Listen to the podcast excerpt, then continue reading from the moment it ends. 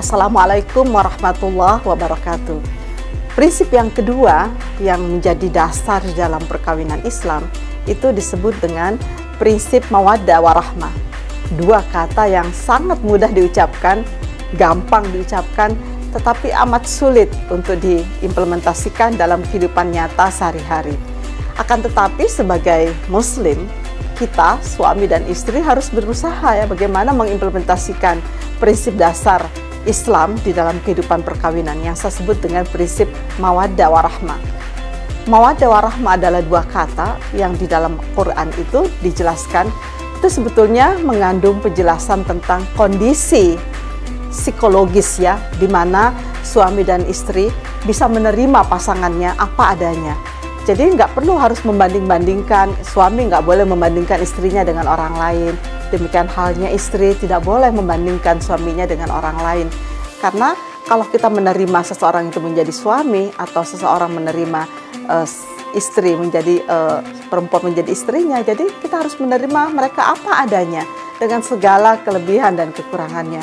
Karena yakinlah nggak ada manusia di dunia ini yang semata hidup uh, dirinya itu adalah kelebihan atau semata punya kekurangan yang hidupnya itu kekurangannya saja yang ada nggak ada jadi nggak ada manusia yang sempurna.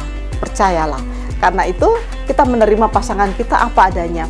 Kita tinggal menggali sisi-sisi yang baik untuk lebih optimal dan dan kita mencoba meredakan sisi-sisi yang uh, yang kurang baik atau kurang berkenan. Jadi karena itu di dalam perkawinan itu dua-duanya itu harus berusaha agar supaya sisi-sisi yang baik, yang sisi-sisi yang uh, positif ya Eh, aspek-aspek uh, yang positif dalam diri kita itu berkembang menjadi lebih optimal sehingga yang ada itu adalah eh, kebaikan-kebaikan uh, dan hal-hal yang positif dari suami bertemu dengan kebaikan-kebaikan dan hal-hal yang positif dari istri. Karena itu suami dan istri dengan prinsip mawaddah warahmah ini adalah lebih mengedepankan ya nilai-nilai moralitas yang terbaik agar supaya pasangannya merasa damai, pasangannya merasa bahagia dan pasangannya merasa tentram. Karena itu di dalam kehidupan bersama dalam perkawinan, suami istri berupaya sedemikian rupa untuk mengedepankan nilai-nilai kebaikan, mengedepankan nilai-nilai positif ya pada diri masing-masing. Sehingga apa? Sehingga di dalam kehidupan bersama yang saya kira juga tidak selamanya berumur panjang ya karena itu hidup ini sangat singkat.